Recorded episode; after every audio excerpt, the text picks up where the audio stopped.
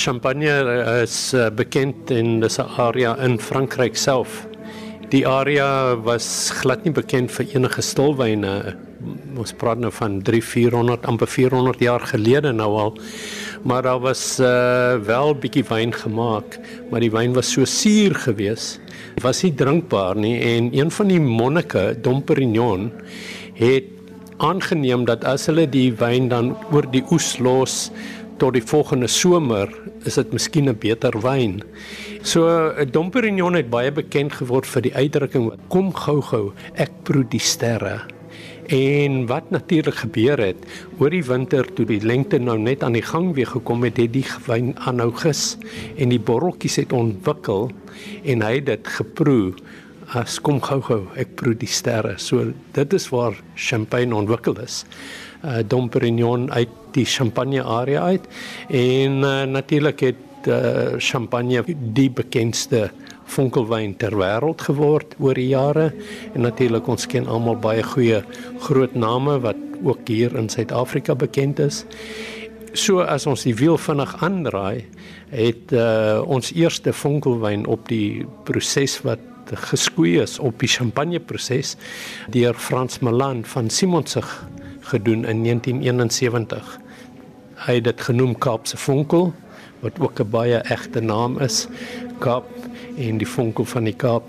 En dit was gedoen op die tradisionele vonkelwynproses. Frans se vonkel.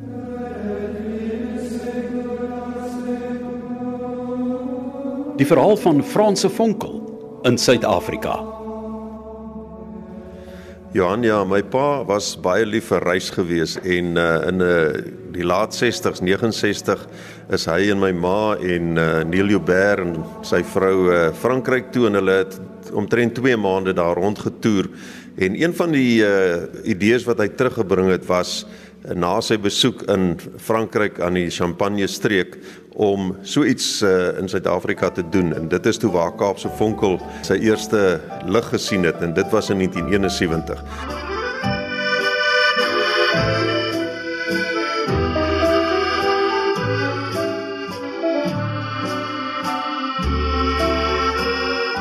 So mense moet ook onthou dat uh, Simon Sig se eerste wyn is eers gebottel in 1968 en in daardie tyd was ons maar slegs die 5de privaat landgoed in Stellenbosch wat sy eie etiket gehad het.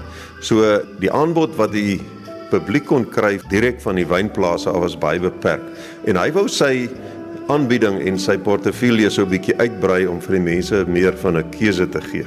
So hy kon nie die Franse champagne variëteite in Suid-Afrika in die hande kry nie. Dit was net nog nie beskikbaar nie en ek praat hier nou van Chardonnay en Pinot Noir. So hy het gebruik waarvan ons wel gehad het en dit was uh, Chenin Blanc wat uh, natuurlik eintlik swaaf die die handtekening dryf van Suid-Afrika is. En uh toe het hy die eerste Kaapse vonkel gemaak van Chenin Blanc en omdat ons nie in Suid-Afrika die naam champagne of champagne op ons etikette mag sit nie, moes hy toe 'n nuwe naam vir die nuwe styl van wyn uh, uitdink en dis waar die naam Kaapse Vonkel ontstaan het. Nou as 'n mens terugkyk, was dit eintlik nogal 'n voordelige begrip want uh, dit is iets reg Suid-Afrikaans. Ons probeer nie 'n kopie maak van wat die Franse doen met baie groot sukses en al vir 'n paar eeue nie. Ons probeer iets maak wat reg Suid-Afrikaans is en dat 'n refleksie is van ons klimaat, ons grond en ons toestande en dit is uh toe mettertyd deur ander wynprodusente ook gedoen en uh in die proses het ons 'n uh, vereniging gestig in 1992 wat toe die naam Kap Klassiek gevestig het. So die Kap Klassiek Produsente Vereniging bestaan vandag nog en uh, het deesdae uh naby aan 100 uh, lede, maar in totaal is daar nou waarskynlik al naby aan 200 produsente wat bottelgegiste vonkelwyn maak, soos wat Frans Melan begin doen het 1971 net mooi 50 jaar gelede vir Ek dink dit dit gaan maar oor respek waar uh, jy weet die Spanjaarde toe hulle ook hulle bottel gegiste vonkelwyn op die mark gesit het, het hulle verwys na cava wat soort van uit die keller beteken. Dan is daar Italië wat Franciacorta is, so hulle volg ook die presiese selfde resep. En natuurlik het ons uh, in Suid-Afrika ook gesê ons moet eg Suid-Afrikaans wees. Toe het ons in 1992 was ons 14 uh, stigterslede wat die Kap Klassiek Assosiasie begin het. So Kap verwys na die Kaap en die klassiek is die tradisionele klassieke manier wat gedoen moet word. Destyds toe Champagne Aria gesê het wel ons gaan die naam toeskryf net vir die omgewing so wyne wat net in Champagne gemaak word kan die woord Champagne dra. Toe hulle die Versailles verdrag geteken het, was die Amerikaners nog in prohibisie geweest. So hulle was glad nie genoeg om die ding te teken nie. Sê wel ons drink dit so, ek meen ons gaan dit nie kan teken nie. En uh, natuurlik het die Franse dit vergeet oor die jare en dit is hoe Kalifornië hulle vonkelwyne Californian Champagne genoem het. So dit is 'n baie interessante storie. Die Franse sukkel nou nog om die naam terug te kry, jy weet uit die Kaliforniese area uit, maar uh, hulle is besig daarmee. Daar is 'n verdrag en ek verstaan 2023 sal hulle definitief geen verwysing meer hê na Champagne in Kalifornië nie. Ja, die aanvanklike uitdagings was natuurlik dat niemand anders het geweet hoe dit gedoen word nie. So die gebrek aan kennis en die tegniek daar agter was totaal onbekend. So dit was so 'n totale pionierswerk wat hy moes doen om uh, uit te vind uh, op hoe dit werk. En ek dink uh, hy het ook maar saamgewerk met die uh, studente van die Stellenbosch Universiteit spesifieke Jan Leroux wat vir my die ander dag vertel het hoe hy na die universiteit gegaan het om van die bottels te berei en uh, van die gist te verwyder. Nou dit was een van die hoof uh, struikelblokke wat hy moes oorkom, maar ook uh, die bottels natuurlik moet baie sterk wees om die druk van die tweede gisting in die bottel te weerstaan. So ek sal nooit vergeet nie want ek was toe nog 'n jong kind wat op skool was. So die eerste bottels het hier aangekom uh ingevoer uit Europa en dit was in gooiingsakke verpak gewees. So dit was nogal uh taamlik iets uh buitengewoon, nie in in pallette of in kartonbokse soos ons vandag ken nie. En dan uh tweedens uh, moes hy 'n uh, manier vind hoe mense die bottels in die rakke sit om die gist te verwyder. Dis 'n proses wat die Franse noem die remouage. Die hele riddling proses, die remouage proses wat die draai van die bottel is ontwikkel deur Madame Clicquot. Sy was 'n uh, 'n uh, weduwee gewees op die ouderdom van 27 en sy moes eienaarskap oorneem van die champagnehuis Veuve Clicquot. Uh, Veuve is natuurlik die weduwee van Clicquot En in elk geval, sy was baie geïmponeer deur die draai van die bottel. Sy het gekyk altyd teen 'n kerslig, het sy die bottel op, op 'n helling gehou en sy het gesien maar die gis wil beweeg. En die storie gaan dat sy haar kombuistafel gate ingeboor het en so die popietre ontwikkel. So die popietre hou 120 bottels, 60 bottels aan elke kant wat jy dan nou natuurlik stelselmatig kan afdraai en soos jy die bottel werk, sal die helling van die bottel ook in die rak verander en sogenaamd die gis na die nek van die bottel bring. En hy moes van die rakke laat maak in Stellenbosch en hy was 'n baie 'n goeie skrynwerkerswinkel en hy het vir hulle so al verduidelik hoe die ding moet lyk maar toe dit hier by ons aankom op die plaas toe lyk dit natuurlik nie heeltemal soos die Franse weergawe is nie so en hulle was maar taamlik lennelam gewees want die bottels is natuurlik taamlik swaar as dit vol is. So dit was ook deel van die proses gewees en die ander interessante stukkie geskiedenis is dat toe hy nou vind maar die bottels wat hy gebruik wat hy ingevoer het aan die begin bevat eintlik 800 ml in plaas van 750. So hy het altyd gesê maar vir elke bottel wat hy verkoop, gee hy 50 ml vir net weg. Daai tyd moet ek onthou, dit was wyn uh, in 'n ander era gewees. So die eerste Simonsig wyne wat hy op die mark gesit het, het verkoop vir R6. Onthou net dit was vir 'n kus van 12 bottels. So uh toe hy nou die eerste Kaapse vonkel op die mark sit, het hy besef maar hy moet dit as 'n luukse produk soos wat Franse champagne uh, beskou word, moes hy uh, die prys ook daarbey aanpas. So die eerste Kaapse vonkels is verkoop vir R3 'n bottel. So dit was al klaar 'n verskriklike groot aanspraak om te maak. Maar die um, die die kostes en die tyd en die moeite wat daar ingegaan het, dink ek het dit uh, regverdig en elke bottel was ook in 'n enkel bottel geskenkverpakking en om die proses te verduidelik aan die wyndrinker is die hele proses van bottelgegiste vonkelwyn is met 'n illustrasie van fotos in elke bottel het uh, sy boekie bygehad. So uh, dit was pionierswerk en um, die meerderheid van vonkelwyn natuurlik in daai jare was natuurlik volgens die gekarboneerde vonkelwyn. So die maklikste manier om nou vir mense te verduidelik is dat jy vat 'n stilwyn sonder gas en dan impregneer jy die wyn. Amper soos 'n soda stream. So jy sit 'n kits botteltjie van koolsuurgas in die bottel wat natuurlik uh, baie goedkoper is, maar in terme van die kwaliteit en die smaak en die karakter wat 'n mens kry met die tweede gisting wat in die bottel plaasvind, is hulle totaal en al uh, verskillende kategorieë wyn en die kwaliteit dink ek verskil baie. Maar in die vroeë 80s is dit Boschendal en was Valera gewees wat toe jy weet deel geword het daarvan. Daar was Achim van Arnhem in 1984.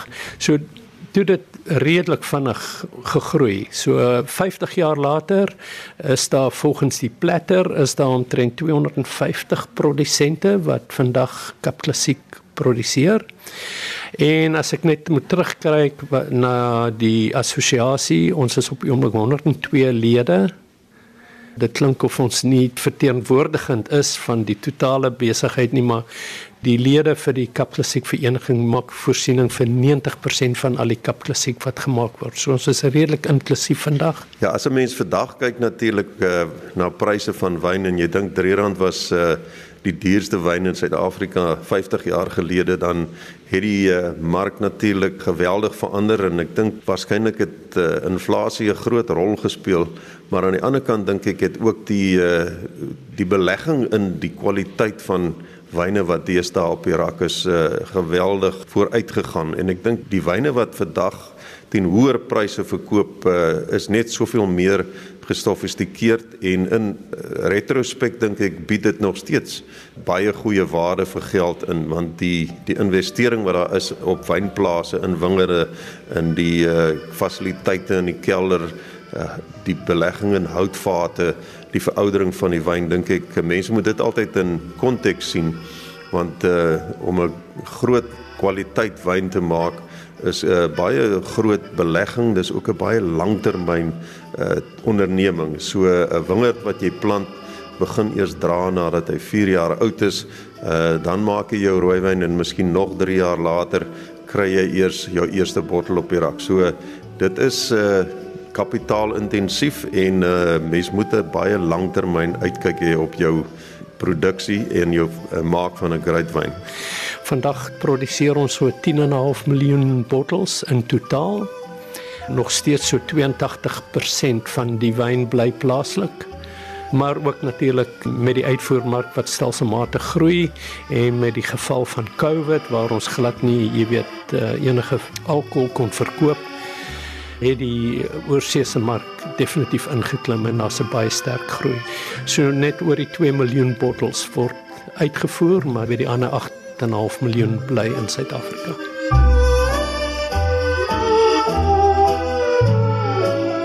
Pieter Bubbles Ferreira van Graham Beckwyne is voorsitter van die Kap Klassiek Produsente Vereniging van Suid-Afrika. Oorlede wynpionier Frans Malan se seun Johan wat oor sy pa se baanbrekerswerk in die vonkelbedryf gesels het, het toevallig die 40ste Diners Club wynmakers toekenning ontvang vir sy 2015 Kaapse Vonkel.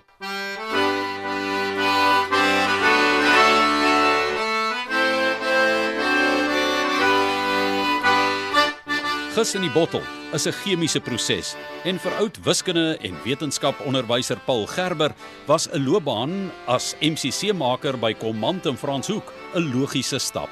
Ek dink ek het altyd 'n uitweg gesoek en um om bietjie meer met wiskunde en chemie iets te kan doen. En ja, toe het Vonkelwyn my aangegryp en dis 'n wynproses wat daarvan hou dat elke deeltjie, elke treetjie wat jy neem saam met die wyn, die wyn aanvashou en die veranderlik is is so groot en so wyd in terme van wat ons kan doen ek is bevoorreg om uh, jy weet elke jaar as ons wag reis om um, by Kellerkie in Champagne te kan werk. Le Menil Surge is die dorpie se naam. En dan ek het 'n navorsingsprojek saam met um, Stellenbosch um, net verby en Rand Universiteit Ons kyk ook na prosesse wat ons beter kan beskryf en uh, wynmakers help om om beter besluite te kan maak in die wynmaakproses. 'n Diep deel van die proses is Jean-Philippe Coman, die stigter van Command. Jean-Philippe is 'n Franse Belg wat Suid-Afrika toe getrek het, die keller gebou het en dit was die eerste keller in Suid-Afrika wat spesifiek gebou was net vir fonkelwyn. Ons het net Kap Klassiek hier gemaak en gaan nog altyd net Kap Klassiek maak.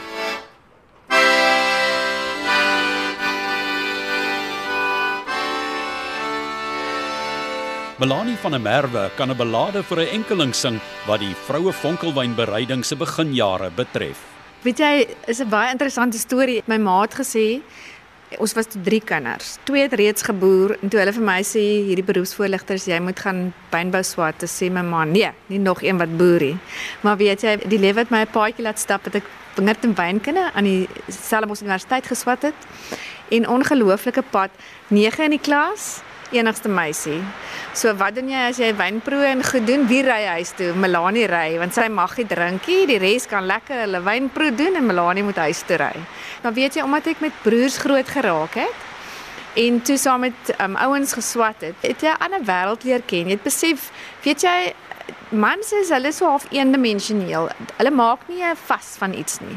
Dit is reg en as dit verkeerd en as dit nie reg was nie, stel ons hom reg en jy gaan aan. So dis 'n bietjie 'n harde wêreld.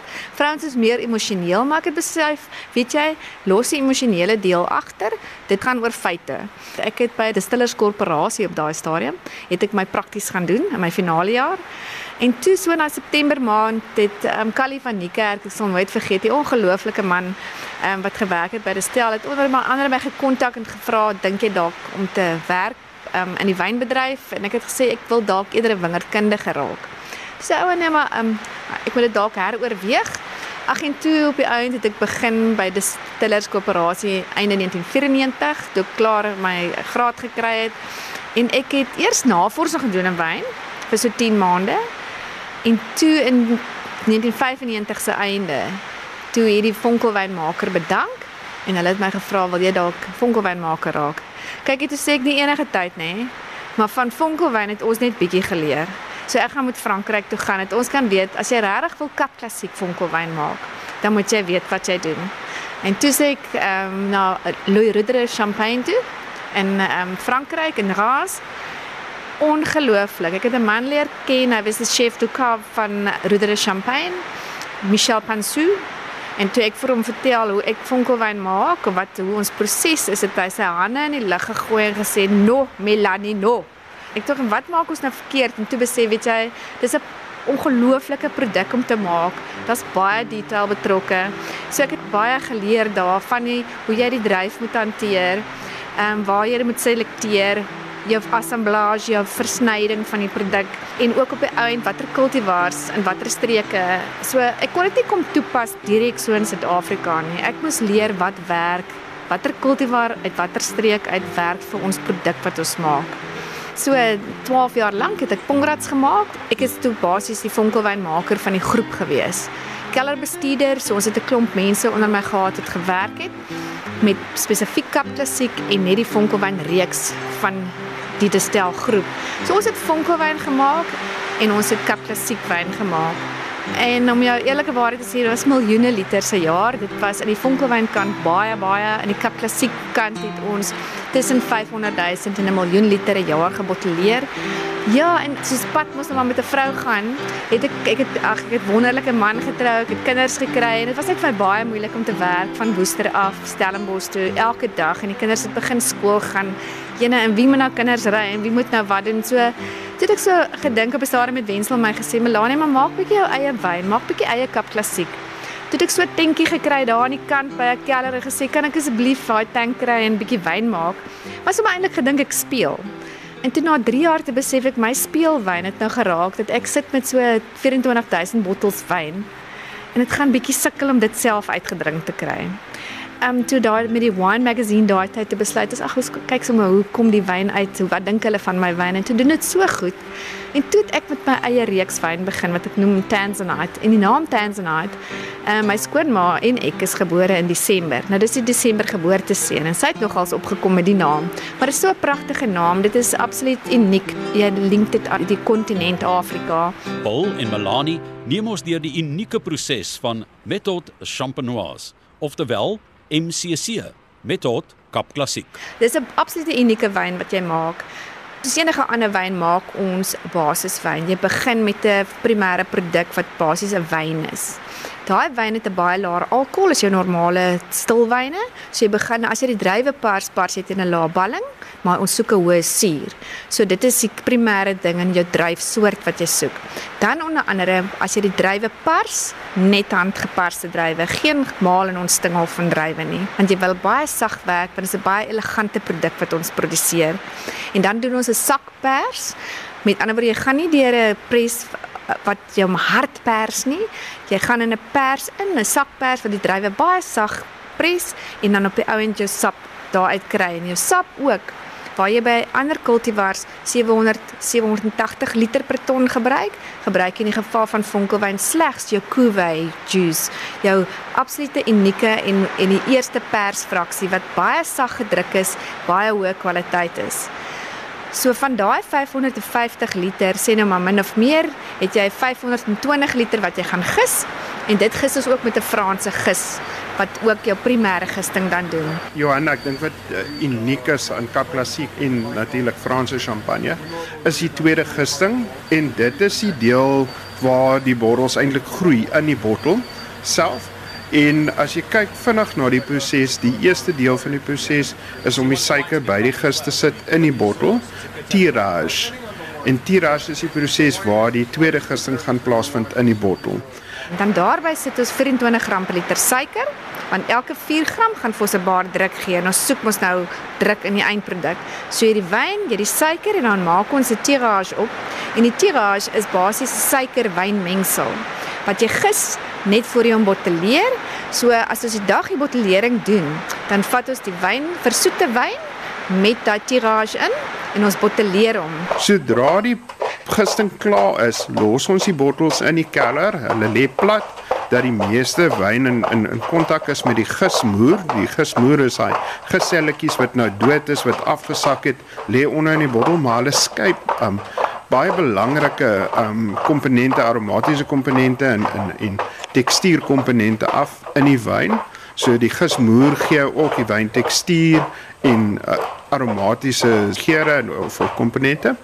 En dan daarna vat ons uh, die bottel en ons draai die bottel in daai proses is remoage en remoage is om die bottel te draai dat die geselletjies stadig afsak en in die nek van die bottel gaan lê. So geen druk kan ontsnap nie en geen suurstof kan inkom nie.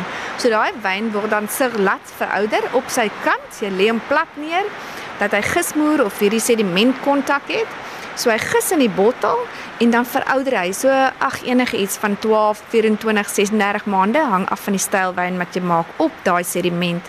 Die eerste proses wat jy doen is is riddling of remoage en dit doen jy op 'n rak wat jy pupitre noem. So jy sit die bottel eers horisontaal binne in 'n rak dan begin jy hom draai en tilt dat hy later aan amper amper vertikaal staan. So al die sediment sak dan af na die bottelnek toe. En die finale deel van daai proses is dan wat ons noem degorgement. En degorgement is om die kroondopie wat die bottel se wyn en gas vashou af te haal. Hy skiet sommer af. Die druk in die bottel is is 'n 6 bar om jou 'n idee te gee 15 liter se koolstofdioksied gas wat vassit in daai bottels. Daar's 'n redelike druk en hy skiet daai um, gisproppie uit. Jy sit hom in 'n in 'n vriesbad dat net die bottelnetjie, 'n deel van jou bottelnetjie lê in so 'n uh, oplossing is basies 'n soutoplossing van -24 grade. Dan vries hy daai sediment in jou crown cork en 'n klein bietjie wyn. So as jy jou bottel omdraai, het jy 'n pragtige skoon produk met 'n ysproppie aan die bokant.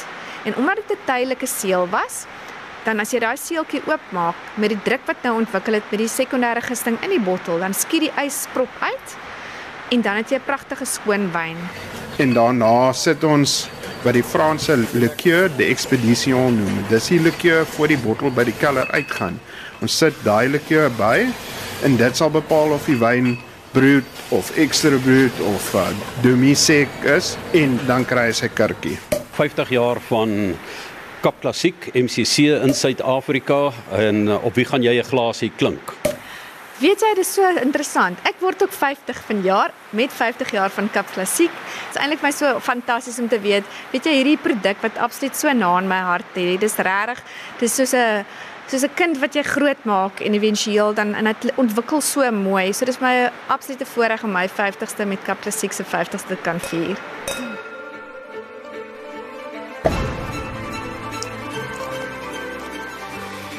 Die wonderlike ding van vonkelwyn is dat jy nie 'n kurktrekker nodig het nie.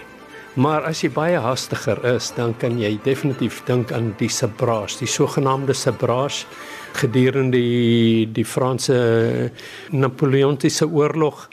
Daar's twee stories daarin. Ek moet dit net gou vir jou vertel.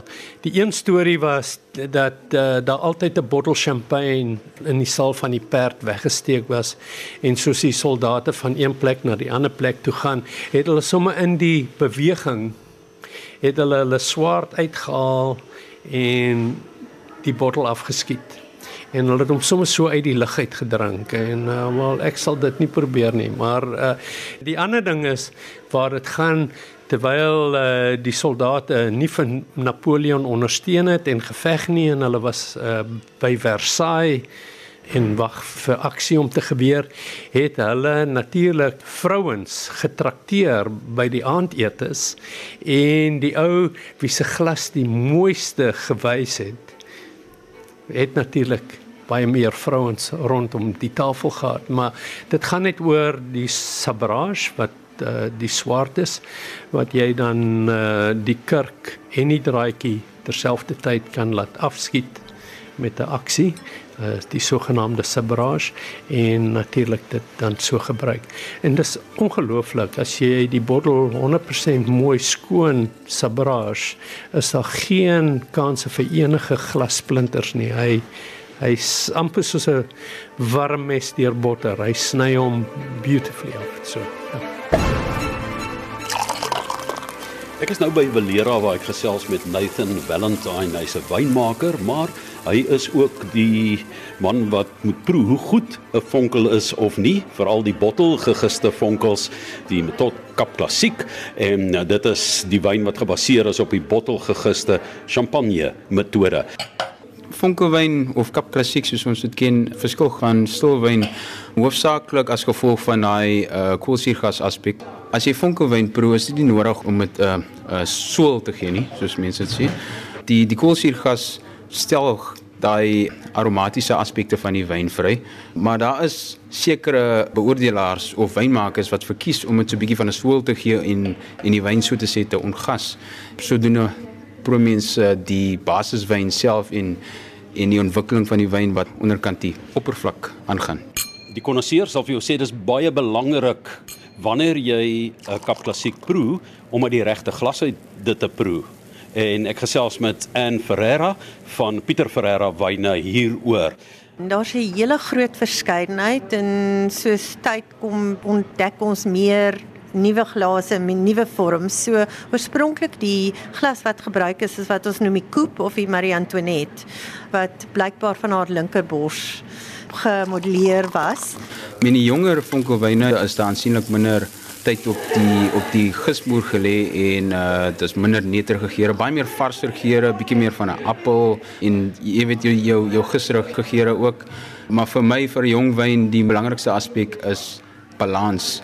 As die een geur die ander geure oorheers en dan uh, jy weet jy sien dit gewoonlik as 'n nie nie 'n fout nie, maar 'n um, wyn wat baie meer uh, harmonies is, um, word oor die algemeen gesien as 'n beter kwaliteit wyn. Deesdae die tradisionele glas is die fluitglas wat lank en nou is, maar soos goed ontwikkel en ons slimmer raak en meer leer en meer geïnteresseerd raak en die beste uit ons kap klassiek wil hê is die glas wat die beste werk die tulpglas. So hy's nou onder hy vorm 'n groot soort van bol en dan sy nouer weer bo. Ehm um, daar's 'n verskeidenheid van hulle en daar's al hoe meer mense wat hulle produseer, die fynere glas.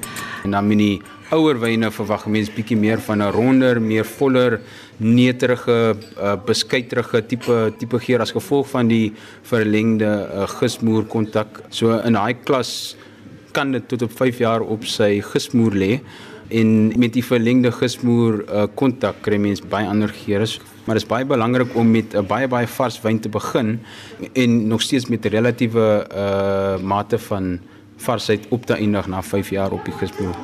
Die die tulp met sy soort van ronde bal vorm in die middel gee dat daar wonderlike aromas is en die feit dat hy nouer gaan op die punt en waar jy hom drink veroorsaak dat jy baie meer geur kry en baie meer impak van alles wat jy het. So Kap Klassiek is so divers in die sin van dat jy hom kan hoor, jy kan dit sien, die kleur, ook die borrels, maar ook die geur wat uitkom is baie baie belangrik.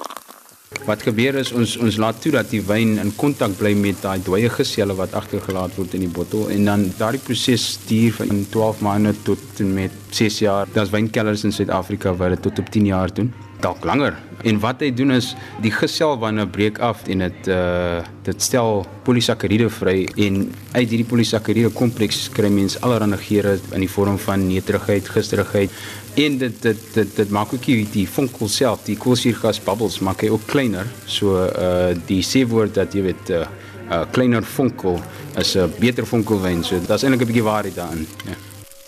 Die Veritas glas, dis nie die kompetisie nie, maar dis die glas se naam, dit kom van Riedel, een van sekerlik die beste makers en handgemaakte glase deesdae in die land. Hulle het heidaglik twee, hulle het hulle nuwe performance glas noem hulle hom, wat 'n riffel het wat 'n vortex veroorsaak. Hy's ook tulp in sy vorm en um, hy het sulke riffeltjies binne in die glas wat 'n uh, Venturi veroorsaak of um vorm sodat 'n mens maksimum geur en smaak uit dit uit kry. En wat die klein botteltjies ook veroorsaak is dit dit gee die wyn 'n baie beter mondgevoel. So dit is wat uh, onderskeid maak tussen die kunsmatige karboneerde vonkelwyn en Kap Klassieks. Die lengte ook van die wyn, dit verlenging ook en maak dit aansienlik meer drinkbaar ook want die Kap Klassiek gee 'n baie mooi mondgevoel, dit maak dit sagter. Hulle noem dit ook in die spoggerige taal die moes. Die glas wat ek vir die liefste is, die tulpglas, hierdie een is 'n handgeblaaste tulpvorm, word deur Lehmann gemaak en dis die James glas.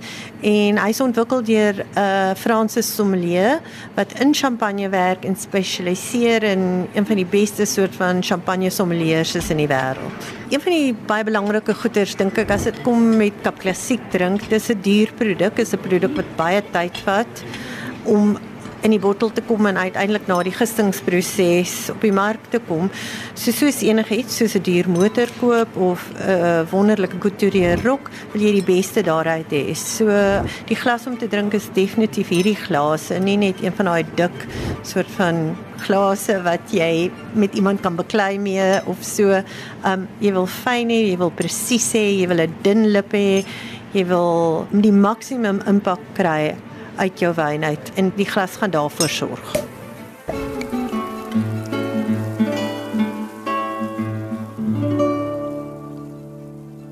Pieter Bubbles Ferreira, Graham Beck, Madiba, Barack Obama.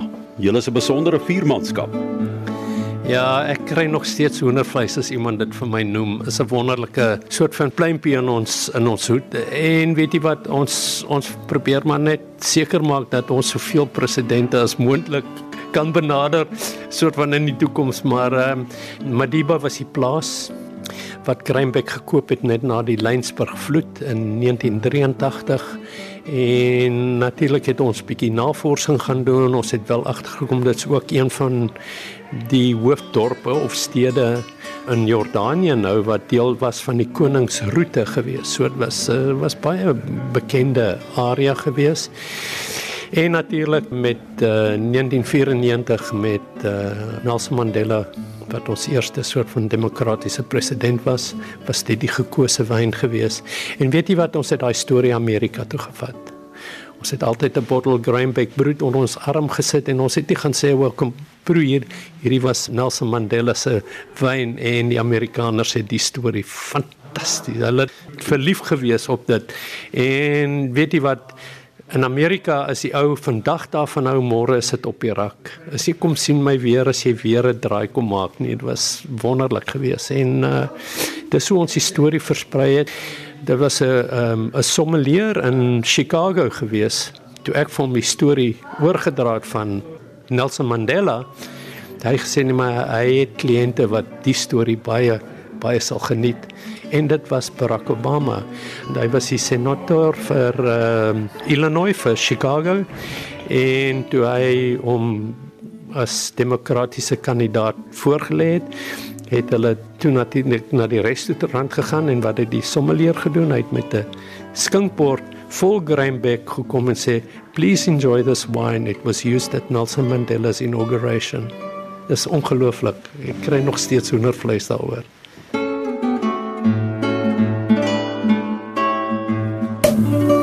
Frans se vonkel. Die verhaal van Frans se vonkel in Suid-Afrika, 'n dokumentêre program op RSG, is saamgestel deur Johan Rademan.